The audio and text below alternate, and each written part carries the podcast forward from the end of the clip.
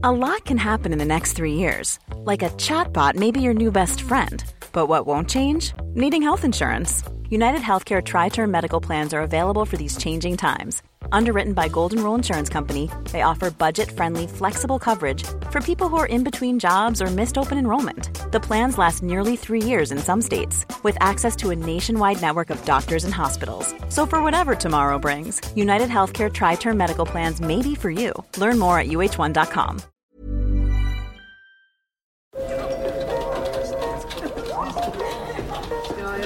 Dette er lyden av norsk næringsliv.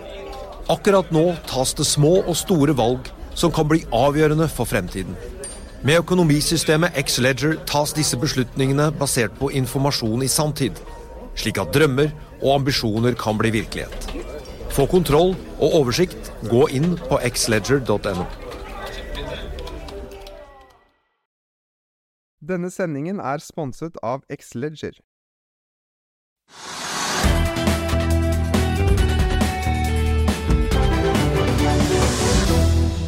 Velkommen til Økonominyhetene på gudskjelov-dagen fredag 21. januar. Og eh, mens mange nå kanskje gleder seg til helgen, så er det nok noen Netflix-aksjonærer som kanskje er litt mer nervøse nå før Wall Street åpner om et par timers tid. Og jeg begynner nettopp med streaminggiganten i USA, for vi har jo sett og snakket om flere teknologifall i det siste. Og Netflix-aksjen er nå ned rundt 20% i førhandelen på Wall Street. Det skjer etter meldingen fra selskapet i går kveld med ferske tall om utviklingen i fjerde kvartal, der de fikk 8,3 millioner nye abonnenter under selskapets egne estimater fra tidligere. Og selv om både omsetningen og resultatene er opp, så varsler selskapet en brems i veksten eh, nå i år også, og at konkurransen i markedet er svært tøff nå som veldig mange aktører har etablert seg. Et så kraftig fall føyer seg jo inn i rekken av fall i teknologisektoren som vi har sett den siste tiden. og Ser man på teknologiindeksen her hjemme på Oslo Børs, så er den eh, nå ned 1,3 eh, bare i dag. Hovedindeksen har også slitt litt, ned 1,1% og Ser vi da på utviklingen for uken eh, så langt, i hvert fall med noen timer igjen i handelen, så er vi ned 2,2% sammenlagt siden forrige fredag. Nordsjøoljen er ned 0,6% men holder seg fortsatt på et historisk høyt nivå på 86 dollar og 70 cent i spotmarkedet. Den amerikanske lettoljen ligger et par dollar bak på 84. Rundt oss i Europa så er det rødt, og vi ser at historieindeksen er ned mellom 1 og 2% Det er eh, kanskje likevel et eh, lite håp for en noe hyggeligere børsdag eh, for selskapene utenom teknologisektoren, for futuresene på Wall Street peker forsiktig i pluss. Vi har eh, virkelig en bred buffé til deg i dag i sendingen, og vi skal snakke om uroen i markedet. Vi har også fått besøk av konsernsjefen i eh, DNB, og det blir snakk eh, om to norske damer som sikter seg inn mot et ørkenrally.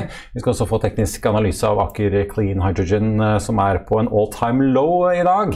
Men først skal vi ta en titt på noen av dagens nyheter. Oppdrettsgiganten NTS og kampen der har tatt en ny vending. Forslaget om å kaste ut storeier Helge Gåsø fra NTS-styret ble nedstemt til tross for at de hevdet å ha flertall tidligere i uken, denne gruppen med, med opprørsaksjonærer. Nyheten sender aksjen opp 1,2 i dag. Ellers så skyter uh, insure, Insurance opp uh, eh, 65 for øyeblikket. Etter at Finanstilsynet i går godkjente overdragelsen av porteføljen til et tysk forsikringsselskap. Vi skal også innom Asia, for Reuters melder at militærregimet i Myanmar vil godkjenne Telenors salg av mobilvirksomheten i landet til libanesiske M1 Group. Ifølge Reuters så vil regimet godta en ordning der M1 inngår et partnerskap med et myanmarsk selskap. Kommunikasjonsdirektør Gry Nordhus i Telenor sier til E24 at de fortsatt venter på en formell godkjenning av salget. Salget ble jo da annonsert for sommeren i fjor etter militærkuppet i landet, og Telenor har pga. den dramatiske utviklingen i landet da summa summarum omtrent tapt 1,2 milliarder kroner på investeringen. Den aksjen er ned nesten 0,2 i dag. Protektor forsikring er opp 0,2% etter at de slapp eh, sine tall. De kan melde om en volumvekst i fjerde kvartal på 8% eller 14% målt i lokal valuta. Vi tar også med at uh, det ser ut som vi får en ny nykommer innenfor uh, hydrogensektoren. I morges ble det nemlig kjent at Hyon, som ikke må blandes sammen med Hynion, som bl.a. har Nell og Saga Pure som majoritetseiere, har hentet 50 millioner kroner i en rettet emisjon og nå ønsker å komme seg på børsen. Øystein Stray, det Øystein Stray Spetalen-dominerte Saga Pure faller 0,75 i dag, og, og Nell faller da 4,2. Så får vi se om aksjemarkedet klarer å skille disse to navnebrødrene innenfor hydrogensektoren. Før vi kjører videre, så vil jeg bare minne om at hvis ikke du rekker å se denne sendingen, så kan du også høre den og søke opp Økonominyhetene på Spotify, Apple eller ved å gå inn på fano-podkast. Med meg nå i studio har jeg fått uh, deg, Trygve. God fredag. Kanskje vi skal ta det av først. Vi har jo uh, gått og ventet litt på en nyhet fra kongen i statsråd uh, om, en, om, en, viss ny rolle i Norges Bank, men det ser ikke ut til at det kommer i dag heller? Nei. altså Ryktene har vært der nå i et par dager, og noen har sagt at det ville komme i statsråd i dag. og En fortalte meg i går at uh, visste omtrent helt sikkert hva resultatet ville bli. Det har vi ikke spekulert i, for vi tror ikke at de ryktene medfører riktighet ennå. da. Altså Ryktene medfører ikke riktighet. og så det er da ikke klart at Stoltenberg skal bli sentralbanksjef, men mange sier at det er han. at det er åpenbart at ja, De som uttaler seg, de sier at det blir Stoltenberg. Ja. Og de, Hovedbegrunnelsen er den, vi kan ta hele rekka en gang til, men hovedbegrunnelsen er jo det at han ble bedt om å søke. Han har søkt, og han har verdens beste CV. Ja. Ja, det, er, eh, det, står mellom han og visesentralbanksjef Ida Wolden Bakke, så vi får, eh, vi får, gi det en uke til og se om finansministeren. Eh, er klar med et navn da. Ja. ja. Vi snakka litt om eh, markedet. Fortsatt eh, ganske humpete. Det går jo så det griner i olje og gass, men eh, det er jo særlig da disse vekst- og teknologiaksjene som sliter ganske tungt, mange av de. Ja, jeg syns man ser ganske skumle tegn, og det jeg ment noen uker, da, så det er ikke akkurat i dag. Men det du snakket om Netflix, altså det at det lå an til et kursfall på 20 før børsen åpnet, det, det, skal man følge med på. For jeg tror det at veldig mange, ikke bare i USA, i New York og i Oslo, men altså man er nå engstelig for at disse såkalte tech-selskapene, vekst, vekst vekstselskapene. At de har gått for mye, at det har blitt så små bobler både her og der. Og at prisingen ikke kan holde. Det er ikke sant, prises til 20 ganger ørning eller 50 ganger ørning eller 100 eller hva det måtte være det begynner å sige inn i markedet at dette holder ikke. og Da, begynner, da kan man lette seg litt i porteføljen. Det er ikke sikkert at man sier ut med alle aksjer, men man letter seg litt. og Man kjøper ikke, men avventer kjøp, og så kvitter man seg med noe. og Det blir et selgepress litt. Og Det ser vi også da på Oslo Børs, hvor da en rekke selskaper som jeg har i hvert fall, og du har vært inne på tidligere, har vært over, sterkt overpriset, sånn som Autostore. Og jeg sa litt øh, jeg sa at det var et sånn lagerselskap, ikke sant. Det var, robotlagerløsninger. Men, men, det var litt mer enn det jeg sa. da, liksom litt, ja. Ikke, ikke foraktelig, men litt sånn litt nedsendende. og det var, det var, feil sagt. Det var ikke noe sånn enkelt lagerselskap, men det var robotgreier, og de var så veldig flinke og hadde store kunder og sånn, men de var altfor høyt priset. Og nå har de da siden november, altså vi er i januar altså, siden november har selskapet falt oppunder 70 milliarder kroner på børsen, for de fikk en ganske fin start ved en emisjon, og så var det noen av de sentrale eierne som solgte ut litt, og så gikk kursen som barakkeren, og Altså han falt og falt og falt, og nå er det liksom et kjempetap i anførselstegn siden toppen. Og det er ikke noe sånn liten spirrevipp, det var jo fjorårets store børsnotering? Ja, det var jo blant de ti største selskapene i Norge, så det, altså det, var, det kunne ikke stå seg etter min mening, jeg sa det ganske tidlig. Så det er ikke etterpåklokskap, men nå har, nå har da verdiene vist seg Hvis man regner på det nå, så har det da falt altså 68 milliarder kroner siden november, og det er mye. Og Så ser vi også at de der, vi har sagt om det før, som også er, det er ikke noe spesielt ved de røkkeselskapene kanskje, men vi har sagt at en del av de selskapene som er blåst opp i, blant røkkeselskapene, de er ned. altså En av taperne er jo, er jo Røkke karbonfangst, ikke sant? det er Røkke øh, vind, vind Offshore Wind, ja, offshore wind er ned. Og Horizon, det såkalte paraplyselskapet, er ned. Eh, og vi antydet kanskje at de trengte penger, bl.a. i offshore vind, og at de måtte da gå ut i markedet. Det mente akkurat at det var helt feil, og Christian Røkke kom da ut og sa det at det var overhodet ikke planer om noen emisjon i den nærmeste fremtid. Men han sa, det han ikke sa, var at det kommer kanskje siden. Men det vi ser, er at man er mer skeptisk til prisingen i den type selskaper hvor det inntjeningen ligger langt frem i tid. Eh, og på en måte, hvis rentenivået stiger verden over og i Norge, så blir da på en måte nåverdien disse fremtidige inntektene lavere. Så verdien av selskapene synker. Nesten sånn som renten stiger, litt forenklet sagt. Og Det ser vi nå. så Nå er folk litt nervøse og passer på. og Så begynner det å regne på nytt. og Da vil man også se at de store tekstselskapene i USA vil sannsynligvis få da kursfall, fordi at man begynner å regne på det. og det, man, man, får ikke til å gå i opp. Man kan liksom ikke betale 100 ganger inntjening på et selskap som skal, kanskje skal tjene penger om 20 år. Det går ikke. Kanskje Jan Petter Schissener endelig får rett om Tesla, ja, ja, nok, han som har drevet og shortet det og, og tapt en del på det? Ja, det er et morsomt poeng, men har den, den, har gått under 1000 dollar, men det har ikke gått så veldig mye. Da tror jeg Tesla falt 10-12 Det er penger, det òg. Den har falt 10-12% så langt, og den kan jo falle mer. Og det er som du sier at Vi har den merkelige situasjonen at vi har en rekke tekstselskaper, også da de amerikanske børsene, som er altfor høyt priset, og som vil få en nedtur hvis markedet begynner å bli en easy. På den annen side så har vi i Norge den vanvittige fordelen at vi har energiselskaper, ikke sant? enten det er Hydro eller Equinor eller andre som da tjener masse penger for tiden. Soper inn på da høye gasspriser, høye oljepriser. Og det gjør at det er liv i markedet, for det er liksom noen som har så uendelig mye penger at vi nesten ikke hva de skal gjøre med det. Og så har vi andre selskaper som har kunnet være i fremtiden, som er priset for høyt, og som skal ned.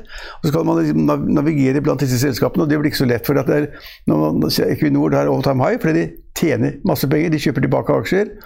Øh, og vet, og vet ikke hva de skal gjøre med pengene, tenker jeg. Øh, for de skal da liksom bruke noe på fornybart og noe på olje og gass. Øh, så vil da klart at inntjeningen i Equinor forsvarer kursen bare opp og ned nå. Så er det da den andre sektoren, da, disse andre vekstselskapene som ikke kan kombinere med, altså, eller konkurrere med verdiselskapene. Equinor er et verdiselskap, Aker Kværner er et verdiselskap osv. så Vi har to liksom, veier å gå. Det er ikke liksom én stemme på Oslo Børs, det er to, det er veier. Det er to lag. Og der vinner selvfølgelig energiselskapene nå, det er jo ganske rimelig, rimelig sikkert. Og verdiselskapene vinner. Og så får vi da en ganske så får vi sannsynligvis ikke en kanskje full reprising. Vi får en gjennomgang av tekstselskapene, og det kommer til å ramme. Og så ser vi Amerika. De sier at uh, Buffett at han har liksom aldri vært høyere enn nå. For han har alltid satset på verdiselskaper. Aldri disse vekstselskapene, aldri, aldri tekstselskaper. Og nå sier de se på Buffett, nå har han fått rekord igjen. Han er vinneren. Fordi han satset på verdiene. Oraklet fra Oraklet fra, ja, oraklet. Så, hva sier det deg? Det var jo litt ganske interessant å se på en måte hvordan eh, Aker og Røkke-systemet agerte denne uken. Disse resultatene fra den havvindauksjonen i Skottland kom jo på mandag. og Magnora og BV Ideol og andre var ute og sendte ut børsmeldinger og feiret på mandag. Så gikk det tre dager, og torsdag morgen kommer Aker med en uh, børsmelding hvor de altså sender ut uh, Christian Røkke for å, det virket jo for å berolige markedet. Ja, altså, Hva tror du skjer ute på Fornebu? Det var helt åpenbart for, for, å berolige markedet. Altså, vi hadde en forside hvor, hvor vi antok at det da kanskje ville være kapitalbehov i Røkke Offshore, Vind. Uh, og de, klart at de også ser at prisingen har vært ganske luftig, men det passet dem ganske bra. Da kan, de, de fusjonere med andre selskaper, kjøpe andre selskaper og gjøre opp i aksjer. og Det er klart det passet å ha en høy prising av egne selskaper. God egen valuta, sånn. ja, det, men, men, så har de kanskje tenkt seg at dette vil markedet være litt mm, negative til eller mistenkeliggjøre. Og så gikk de, gikk de ut og sa at vi skal, trenger ikke penger nå. Men, men, de er utsatt, og folk følger med nå. og det, Kommentatorene følger med, analytikerne følger med. og Den, den prisingen de hadde bare for noen få måneder tilbake, kan, det skal ta ganske lang tid før de kommer tilbake dit. Mm. Vi skal uh, følge med oss om det kommer noe, uh, kanskje kommer noen transaksjoner som skal prøve å rette, uh, rette opp kjøret. Kjøre opp kursen på forhånd. Jeg tror ikke de tenker såpass enkelt. Men de likte ikke situasjonen da de ikke fikk denne kontrakten i Skottland, denne utvinningstillatelsen for havvind. Den likte de dårlig. og det er klart at Mange tenker jo da etterpå at de ikke fikk den. Hva, hva, kommer de til å få i Nordsjøen, hva kommer de til å få utenfor Belgia eller andre steder hvor det måtte være. Så Man har nok tenkt at det var ikke så lett å få det ut, selv om man heter Røkke. Mm. I hvert fall sett at uh, kursene kan sprike veldig, avhengig av ja. hvem som vinner og taper noen auksjonsrunder. Og så, er det også at man snakker, det er ingen som forventer noe krakk eller sånn voldsomme børsfall, selv om man har all time high, liksom, eller hadde inntil noen, for noen dager siden også i New York. Men det vil si at det glipper liksom 1% hver dag. Det, altså I Oslo, New York Børs glapp 1 i går, Oslo Børs glapp 1 i dag er Oslo Børs ned 1% igjen. Det er klart at Hvis det tikker ned 1-2% hver dag, så kan vi få se ganske stygge resultater etter hvert. Ja. Man kan jo f.eks. se på Advinta-aksjen, som vi har skrevet om i avisen i dag. Ja, den, altså, det blir altså, fort summer når det går noen måneder. Ja, altså, det, det, vi skrev, det var da liksom at, at Skipsted hadde liksom tapt verdi for 35 milliarder eller sånn, og de skulle egentlig selge selskapet, eller deler av det. Det er klart at det er en, Uten at noen har merket det engang, så har selskapet falt da liksom 20-30% ned. og det er klart at Hvis vi ser det i flere selskaper, så vil folk begynne å regne på det. Jeg skal ikke være med på en sånn nedtur, jeg skal ut før nedturen. Skal følge med. Takk skal du ha, Trygve, og god helg. Vi får jo nevne for eh, seerne at eh, vi i Finansavisen nå har lansert nyhetsbrevet Børsbjellen med en liste over ti ting du må vite før eh, børsåpning. Her vil journalist og kommentator og kollega Christer Teigen holde alle dere oppdatert med de viktigste nyhetene som kan bevege aksjekurser og indekser før børsen åpner samme dag, gjerne krydret med litt kommentar og innsikt. Og er det sånn at du er abonnent på Finansavisen, så får du den kvart på ni, 15 minutter før Oslo Børs åpner. Og eh, er du ikke abonnent, så kommer den inn da i innboksen din klokken ett. Da har jeg fått eh, med meg dagens gjest, som skal være med oss og ta en liten fot i bakken på tampen av uken. Hun skulle jo egentlig vært i Davos, men har valgt å komme hit i stedet får vi si, nesten frivillig. Kjerstin Bråten, konsernsjef i DNB, velkommen til oss. Takk skal du ha. Det ble jo avlyst dette store møtet, men veldig hyggelig at du hadde tid til å komme hit. Stas å komme hit, vet du. Det er bra. Eh, jeg tenkte vi må begynne litt med Vi står jo på eh, vei inn i et nytt år. Hvordan ser egentlig utsiktene ut? Vi jo, ser jo ut til å karret oss gjennom omikron-nedstengingen sånn noenlunde ok. Det er jo likevel en del bedrifter som sliter i Norge. Men når dere sitter inne i banken, hvordan, hvordan ser det ut nå? Er dere liksom bekymret? Tenker dere at dette går greit? Dette går veldig greit. Det ser faktisk veldig bra ut for norsk økonomi. Eh, og så fikk vi jo oss en liten ekstrarunde, tror jeg mange kjente på, eh, med tanke på omikron. Eh, men hovedhistorien er jo at det har gått mye bedre med norsk økonomi enn mange fryktet. Det manglet jo ikke på spådommer for, eh, for halvannet, nå snart eh, to år siden. Eh, mens resultatet har jo vært at norsk økonomi har hentet seg raskere inn så å si enn alle økonomier. Vi er tilbake på et vekstnivå over og et aktivitetsnivå over det vi hadde før eh, pandemien kom. Og så handler jo det om dette man har gjort underveis. Både myndigheter som har vært handlekraftige, hver og en som har hatt tillit i det store bildet, som har gjort at eh, tiltakene har fått kraft, og at næringslivet har vært omstillingsdyktig. Da. Så i Norge så er vi jo i gang igjen med rentehevinger. Ja. Noen syns det er kjipt, men vi må nesten se på det som et tegn på at økonomien går godt, for det er egentlig det det handler om. Eh, og utsiktene til norsk økonomi er, er gode.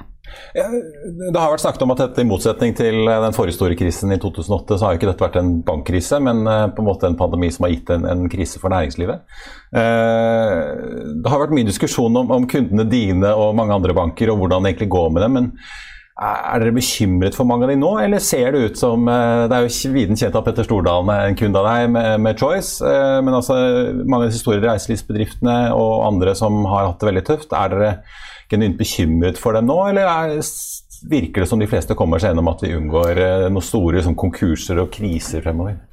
Nei, altså Det er nesten et paradoks, men det er jo faktisk sånn at eh, konkursstatistikkene har jo vist eh, mye lavere konkurser gjennom pandemien enn det vi pleier å se i en normaltid. Så det store og det brede bildet for næringslivet er jo at det har gått bra, bra med de aller fleste. Og så er det enkeltnæringer som har slitt, og du er jo inne på flere av dem. Reiseliv, selvfølgelig restaurantbransjen, flybransjen. Eh, og i noen grad så har det strukket seg til, til servicevirksomheter mer enkeltvis rundt disse, disse næringene. er det noen av disse dere på en måte forbereder dere på at her blir det her må det krisehjelp og gjeldsforhandlinger og ting til nå utover i året? Nei, vedrørende vår aktivitet så har vi uttalt at vi jobber med noen få av de store. Eh, ellers så er de fleste aktører, eh, fleste aktører eh, innenfor disse næringene har jo ikke mye gjeld. Så her er det jo mer eh, De har kommet langt med eh, tiltakene fra myndighetene. De har fått utsatt eh, skatter og avgifter, en del av dem. Eh, og så vil, vil, vi nok ikke unngå at enkelte av disse går konkurs, men for mange av de så er det også relativt lave barrierer for å starte opp igjen. Tror du denne manglende konkursbølgen tror du den kommer nå når myndighetene begynner å trappe ned og avvikle flere og flere ordninger? Jeg tror det er naturlig å forvente å se at uh, andel konkurser beveger seg mot normalen. Men vi sitter ikke og ser eller er bekymret for at vi skal få noen konkursbølge. Uh, tvert imot så er porteføljen veldig robust, uh, og den har gradvis blitt mer og mer robust også gjennom gjennom fjoråret. Eh, så eh, arbeidsledigheten er en viktig indikator i Norge. Den har jo allerede kommet ned igjen til nivået før, eh, før pandemien. Så jeg tror ikke, ikke Vi skal ikke underslå at det er enkelte som sliter, og at det er tøft for enkeltbedrifter. Men det store bildet og økonomien, det, det går bra. Utenfor Norge, da? Du sitter vel også og følger med og hører hva kollegaer i andre land opplever, og hva de ser. og hva som påvirker dem. Eh, er det noen store sånn, ting vi bør følge med på i år? Utenfor våre grenser? Ja, det er det Hvis ikke skal være så ja. det, Og det er klart at vi skal alltid ha med oss at Norge er en liten, liten åpen økonomi. Eh, og eh, det har vært eh, og er stedvis langt tøffere utenfor Norge enn det det har vært i Norge. Eh, samtidig, når jeg snakker med mine europeiske kolleger i andre banker, så, så har jo gjenopphentingen vært kraftfull i land som, eh, i land som Frankrike og, og, Tyskland, og også Storbritannia, selv om det har vært, vært bølgete. Eh, så aktivitetsnivået er på vei opp. Og så er det jo mange spennende, eh, og noen kanskje litt for spennende dynamikker å følge med på. Men det er klart globalt politisk så er det jo en større uro der ute. Man har jo slitt gjennom 2021 med forstyrrelser i de globale verdikjedene. Altså det var lettere å stenge ned enn å starte opp, opp, igjen. ja. og, og, jeg tror at erkjennelsen nå er at man har brukt lengre tid på å få de verdikjedene til å fungere igjen enn det man kanskje hadde trodd. Nå tror vi og de fleste med oss at disse verdikjedene kommer på plass igjen nå i løpet av 2022. Eh, hvis ikke vi får oss noen store overraskelser. Så det blir en sånn midlertidig effekt. Men det påvirker jo også mange bedrifter. altså Chipmangel har jo vært en av temaene som har vært mye diskutert. Og, og mange som er ute og handler, ser jo at altså, vareutvalget faktisk er ikke det samme. Det kan ta litt tid hvis man skal pusse opp eh, og få den vasken eller kranen man leter etter. Ja. ja. Så, så, det er jo viktige trender å følge med på. Eh, det er klart inflasjon, eh, og, eh, som handler til dels om forskyvelser i, eller ineffektivitet i verdikjedet, men det handler også om at det er press på arbeidskraft. Altså det er mange bedrifter, og det merker vi til, til dels i Norge også, men av en litt annen karakter, tror jeg. Men, men etterspørselen er høy, altså gjenopphentingen kommer raskt.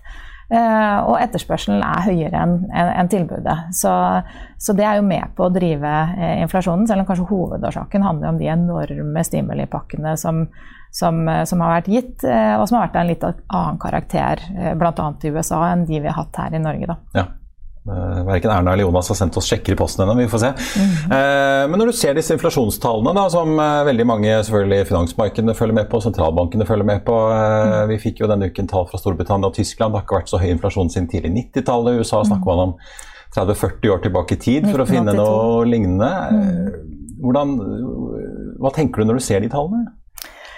Nei, jeg tror at eh, den er drevet, den er drevet av eh, mange, eh, mange faktorer.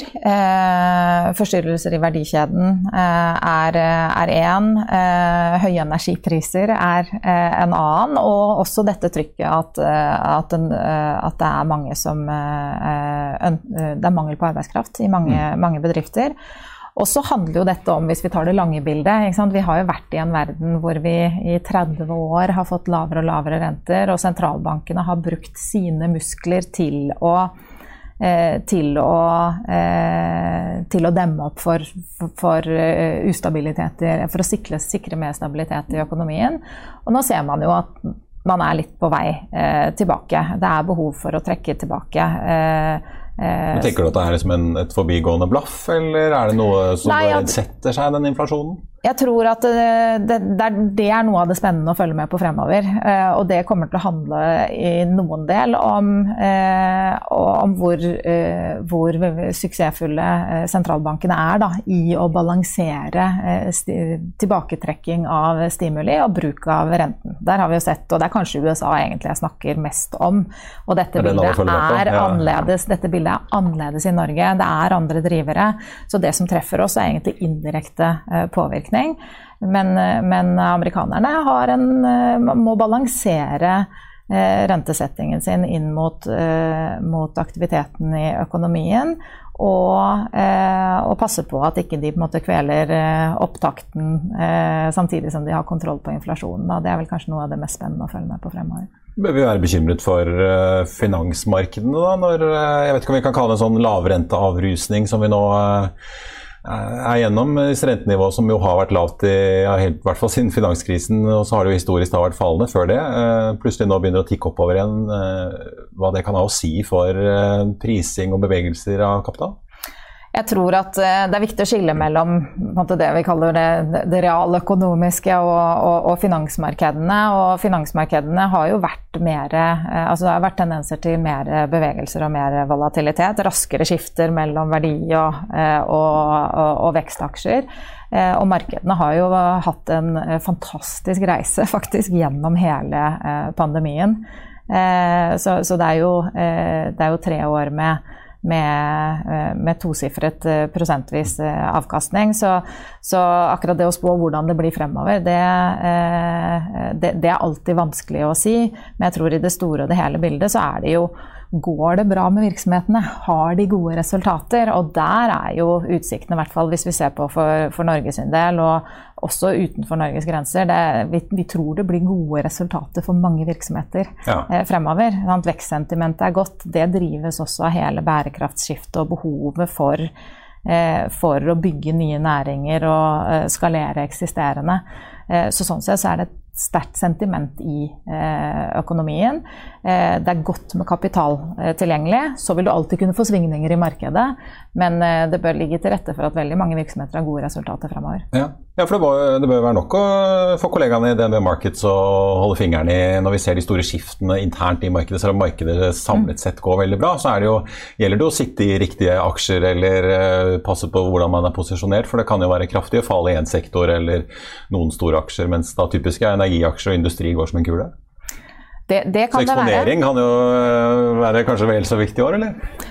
Ja, og det eh, Altså, vi sitter jo ikke og tar eksponering, ikke sant. Dette er jo eh, så, så, her er det jo viktig at uh, man eh, Men jeg tror det er viktigere og kanskje mer spennende enn noen gang da, å følge med og enten velge å ta et syn, eller velge å være bredt eksponert. Mm. Eh, det er mange flere som sparer. Da tror jeg det er viktig å ha en langsiktig strategi Eh, og ha en bevisst eh, risikoprofil, og så holde seg til det eh, når, når markedet svinger. Daytrade altfor mye. vi må snakke om en stor sak som fikk veldig mye oppmerksomhet det siste året, nemlig oppkjøpet av S-banken. nå var jo ikke Konkurransetilsynet kjempefornøyd med det oppkjøpet, så de har jo foreløpig sagt nei. Dere har påklagd den beslutningen. Så får vi jo se. Det er vel ventet at det kanskje kommer noe fra Konkurranseklagenemnda da, i, i mars. Mm. hva gjør du hvis du får nei der, da? Nei, får vi nei, så altså, fant, For oss var det riktig å klage fordi at vi er eh, prinsipielt uenig i det vedtaket som kom fra eh, Konkurransetilsynet. Eh, og det er grunnlaget vårt for å, for å klage. Eh, og så kommer det et vedtak på det, forventer vi da 18. 18. mars. Og så eh, forholder vi oss til det eh, resultatet som kommer ut av den prosessen. Ja, for Det, altså det utgjør jo ikke sånn kjempestor del av eh, banken hvis du sammenligner S-banken med DNB, men likevel det er jo 11,6 milliarder som dere da skal bruke på å kjøpe dette. Hva gjør du med de pengene hvis eh, det blir nei til slutt og ja, du må finne på noe annet? Blir det nei, mer utbytte? Blir det en annen bank du vil kjøpe? En, eh, nei, jeg tror at eh, altså vi, eh, vi, vi, starter ikke den enden. Eh, vi starter i enden og som du sier, vi, dette er en liten del av DNB. Vi syns samtidig det, det er kjempespennende og tror, har veldig tro på at vi eh, sammen med S-banken kan, kan, skape veldig gode eh, opplevelser og produkter for, for kundene.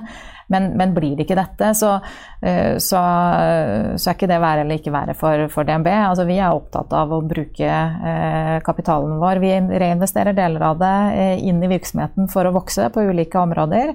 Eh, og så har vi jo veldig, veldig forutsigbare og og konsistente i budskapet for øvrig. At den kapitalen vi ikke reinvesterer i muligheter som gir aksjonærene våre mer enn 12 avkastning, som er vårt, vårt viktigste mål, det, det, betaler vi ut igjen til, til aksjonærene. Ja. Så hvis det blir nei, og du ikke finner noe like godt alternativ til å kjøpe opp, så kan aksjonærene se frem til å få de pengene tilbake?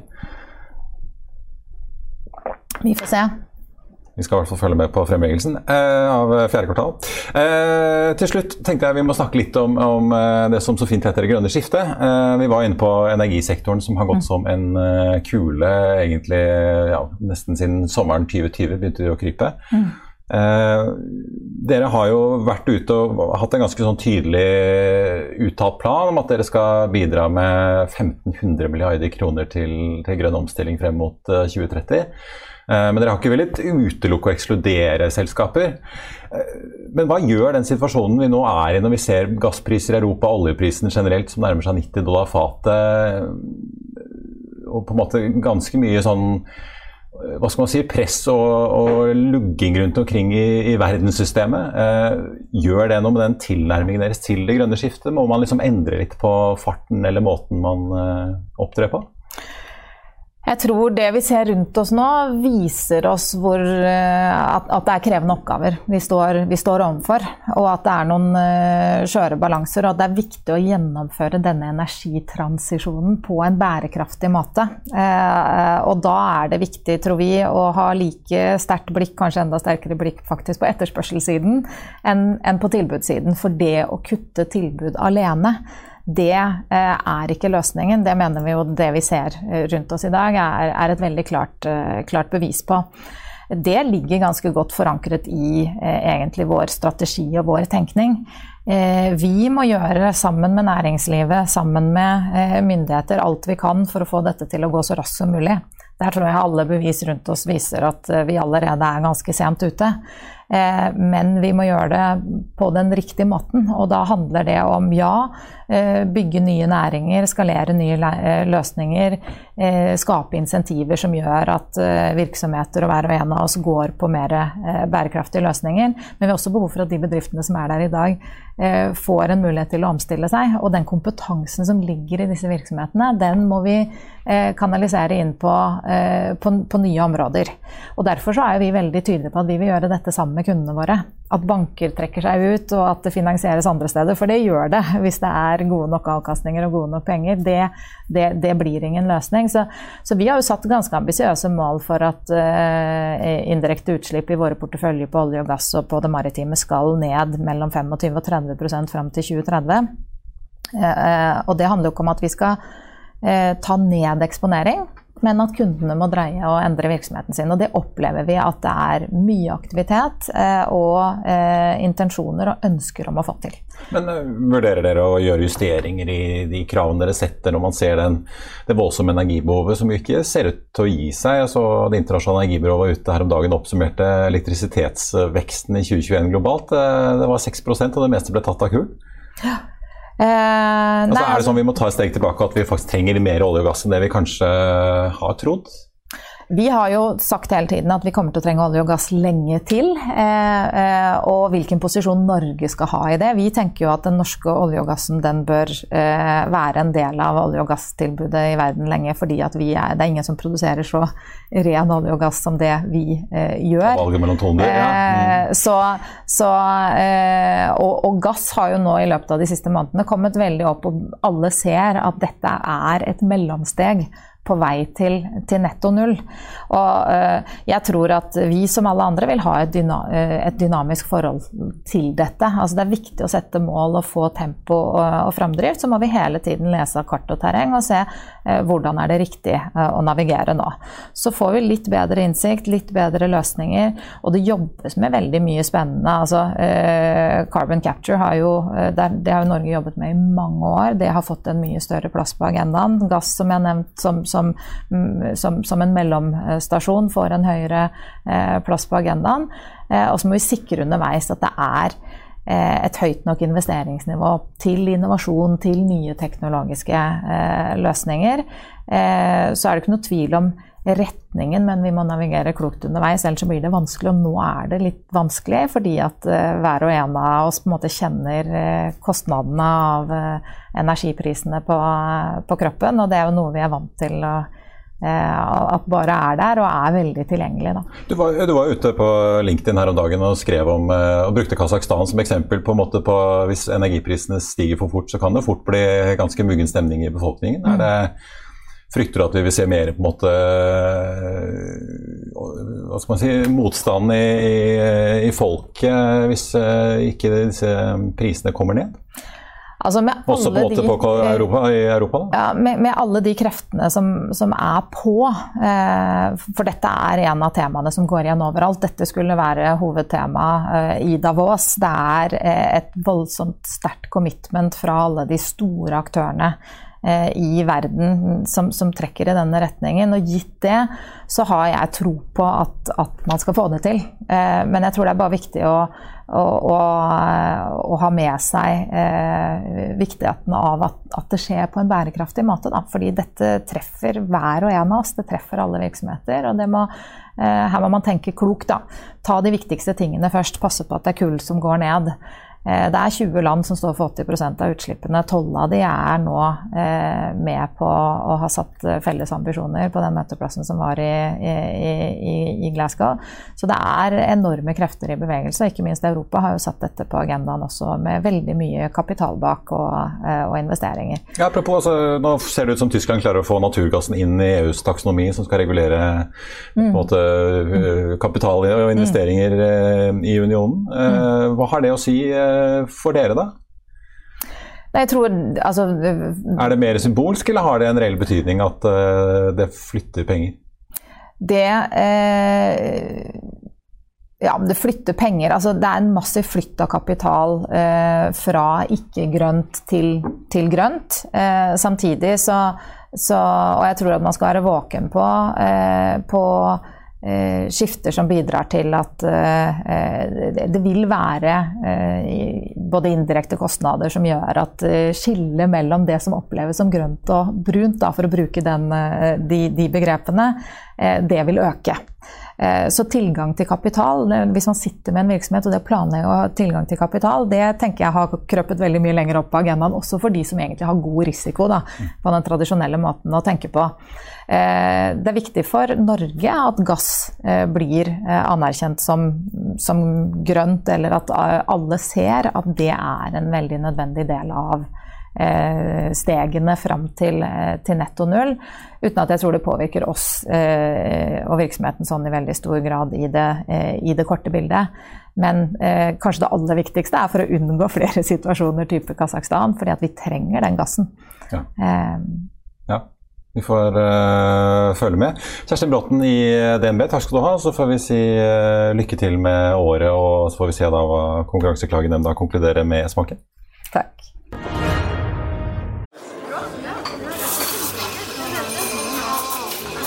Dette er lyden av norsk næringsliv. Akkurat nå tas det små og store valg som kan bli avgjørende for fremtiden.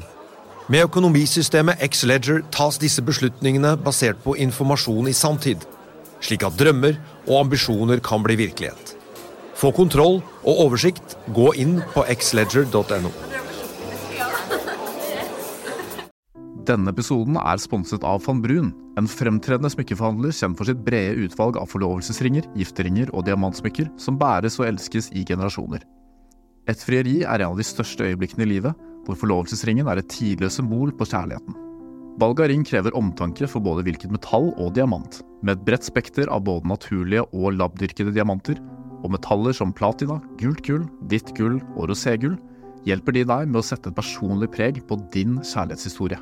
Van Brun vil gjerne invitere deg til å prøve på tre av dine favorittringer fra nettsiden helt kostnadsfritt. Du kan også låne et bredt spekter av frieriringer, slik at du og din forlovede kan velge en ring sammen etter det store ja. Van Brun tilbyr 90 dagers åpent kjøp og 90 dagers gratis størrelsesjustering. Utforsk deres eksklusive sortiment i luksuriøse omgivelser. Bok en konsultasjon sammen med en diamantekspert i deres showroom i Oslo. Eller online på vanbrun.com. V-a-n-b-r-u-u-n.com. Det er eh, straks helg, og på denne fredagen skal vi snakke bil og motor med Andreas Scheel i FA Motor hvert øyeblikk. Men først skal vi ut en tur, for hvor mange barneseter klarer man egentlig å få inn i en elbil? Kollega Håkon Sæbø har vært ute i snøføyken for å teste. Bare se her. Dette er en av årets mest eh, spennende elbiler, Mercedes EQB. Eh, e Ved første øyekast ser den kanskje ikke så spennende ut, men så gjør det kanskje ikke så mye at ikke alle elbiler ser ut som futuristiske såpestykker. Og når man kikker litt videre, så fremstår den jo egentlig ganske kul òg. EQB kommer med syvseter som standardutstyr. Det betyr at du kan ha et barnesete her, her, her, her og selvfølgelig her. Du kan til og med justere andre seterad, faktisk opp til 14 cm. Bagasjerommet tar 465 eh, liter, men det øker med 190 liter når du gjør sånn som det her. Kanskje ikke helt ideelt for en eh, voksen mann, men eh, barna kan da vel alltids lide lite grann. EQB fås i to varianter. Det er en som heter EQB 300. Den starter på 477 000. Eller så er det den bilen her. Det er en 350. Den har 292 hestekrefter og koster bare 21 000 kroner mer. 0 til 100 6,2 sekunder, så den er faktisk ganske kjapp. Rekkevidden på bilen er 419 km. Du kommer selvfølgelig ikke riktig så langt på vinterføre, men eh, det er ikke så kaldt likevel. Det fine er jo at eh, begge fås med firehjulsdrift som standardutstyr, så uansett eh, kommer det frem på vinterføre. Med alle setene slått opp er det selvfølgelig ikke spesielt god plass. Det var det vel egentlig ingen som forventet heller. Eh, vil du ha en syvseter som har plass med alle syv setene oppe, så er det nok kanskje den elektriske Volvo XC90 du bør eh, vurdere. Da har vi fått Andreas Kjell på plass her. Eh, Andreas, I tillegg til å kunne lese testen av denne hva skal vi kalle superfamiliebilen, så eh, må vi også vise noe frem på skjermen her. For vi skal også ordentlig ut i naturen i en reportasje dere har i FA Motor i helgen. Ja, det stemmer. Det er eh, to norske damer, Kristina Doblev og Anette Fjell, som eh, har satt sitt mål om å kjøre dette som heter Afrika Eco Race i 2023.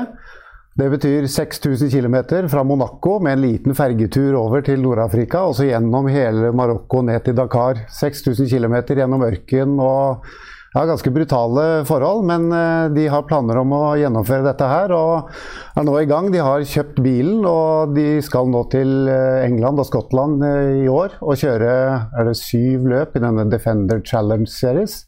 Så dette er to damer som uh, gir gass, for å si det sånn. Ja, vi ser jo bilde av dem her på panseret. Uh, det er vel en litt mer sivil uh, Defender, men vi må nesten bare se på disse bilene. Her har vi jo den klassiske Defenderen og den nye ombygget av eh, Bowler. Ja, det er Bowler, og det er, betyr jo at dette er jo egentlig ikke lenger en Defender, for de tar egentlig bilen fra hverandre, og alt av understell og sånn er nytt, og den er racingrigget med bur og alt mulig rart. Så dette er biler som tåler litt mer enn å kjøre på en skogsbilvei i Nordmarka, for å si det sånn. Og det er jo ikke akkurat billig å drive med denne type motorsport? Nei, bilen i seg selv koster vel rundt en million, men jeg tror budsjettet de snakker om er en tigangeren i løpet løpet av et eh, halvannet års tid som de holder på her nå. Så de, de er ute og jobber med saken. Ja.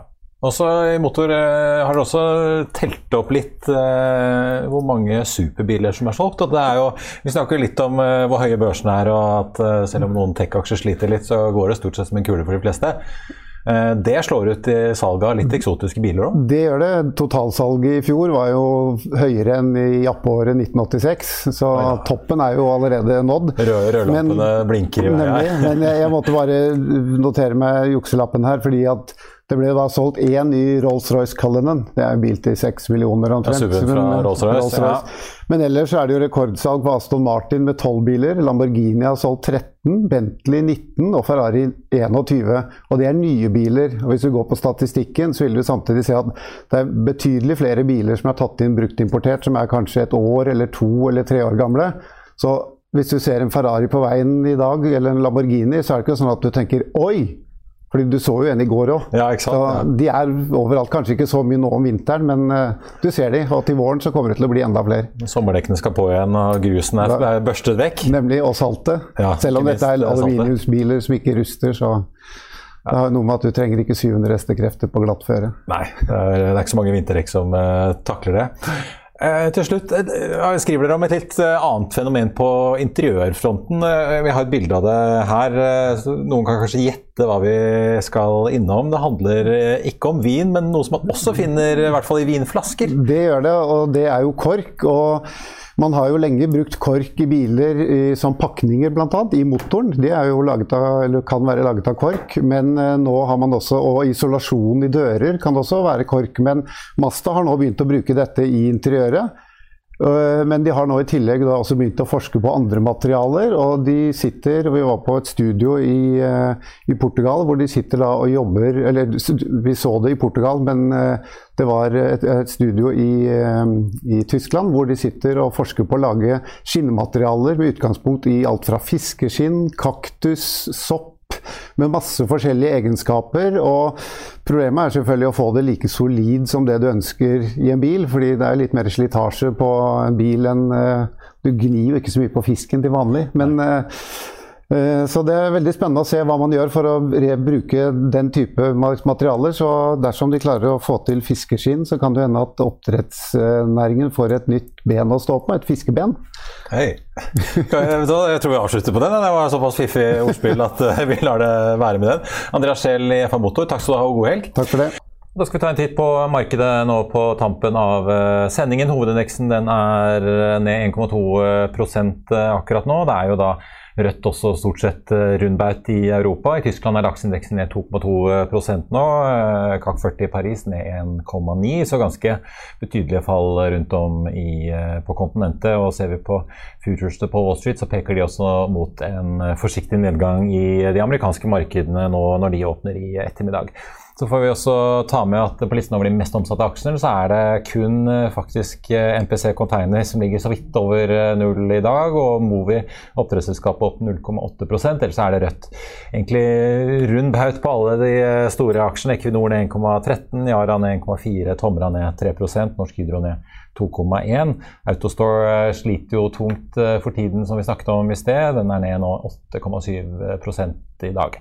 Så får vi også ta med at uh, lakseaksjen NRS uh, har falt uh, kraftig i dag, ned 7,6% nå. Har hentet seg noe inn fra den verste, den var nedover 11% og det skjer etter at altså ser ut som Helge Gåsø ikke blir kastet fra styret i NTS likevel.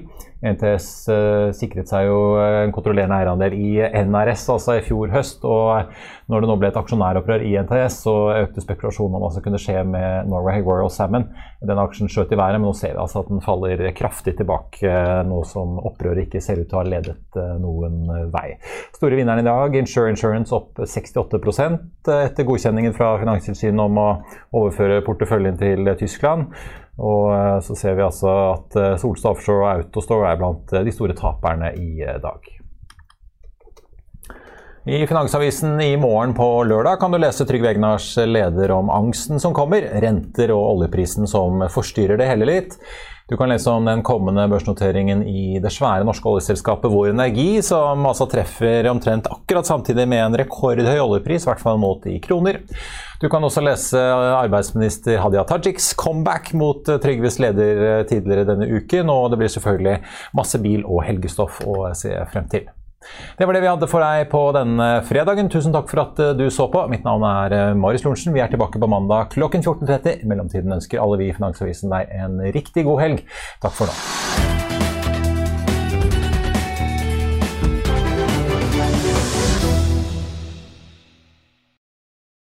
Denne sendingen er sponset av Xleger. Økonominyhetene er en podkast og videoproduksjon fra Finansavisen. Programleder er Marius Lorentzen. Aksjekommentator er Karl Johan Molnes. Produsent er Bashar Johar. Podkast- og videoansvarlig er Marius Mørk Larsen. Og ansvarlig redaktør er Trygve Hegnar.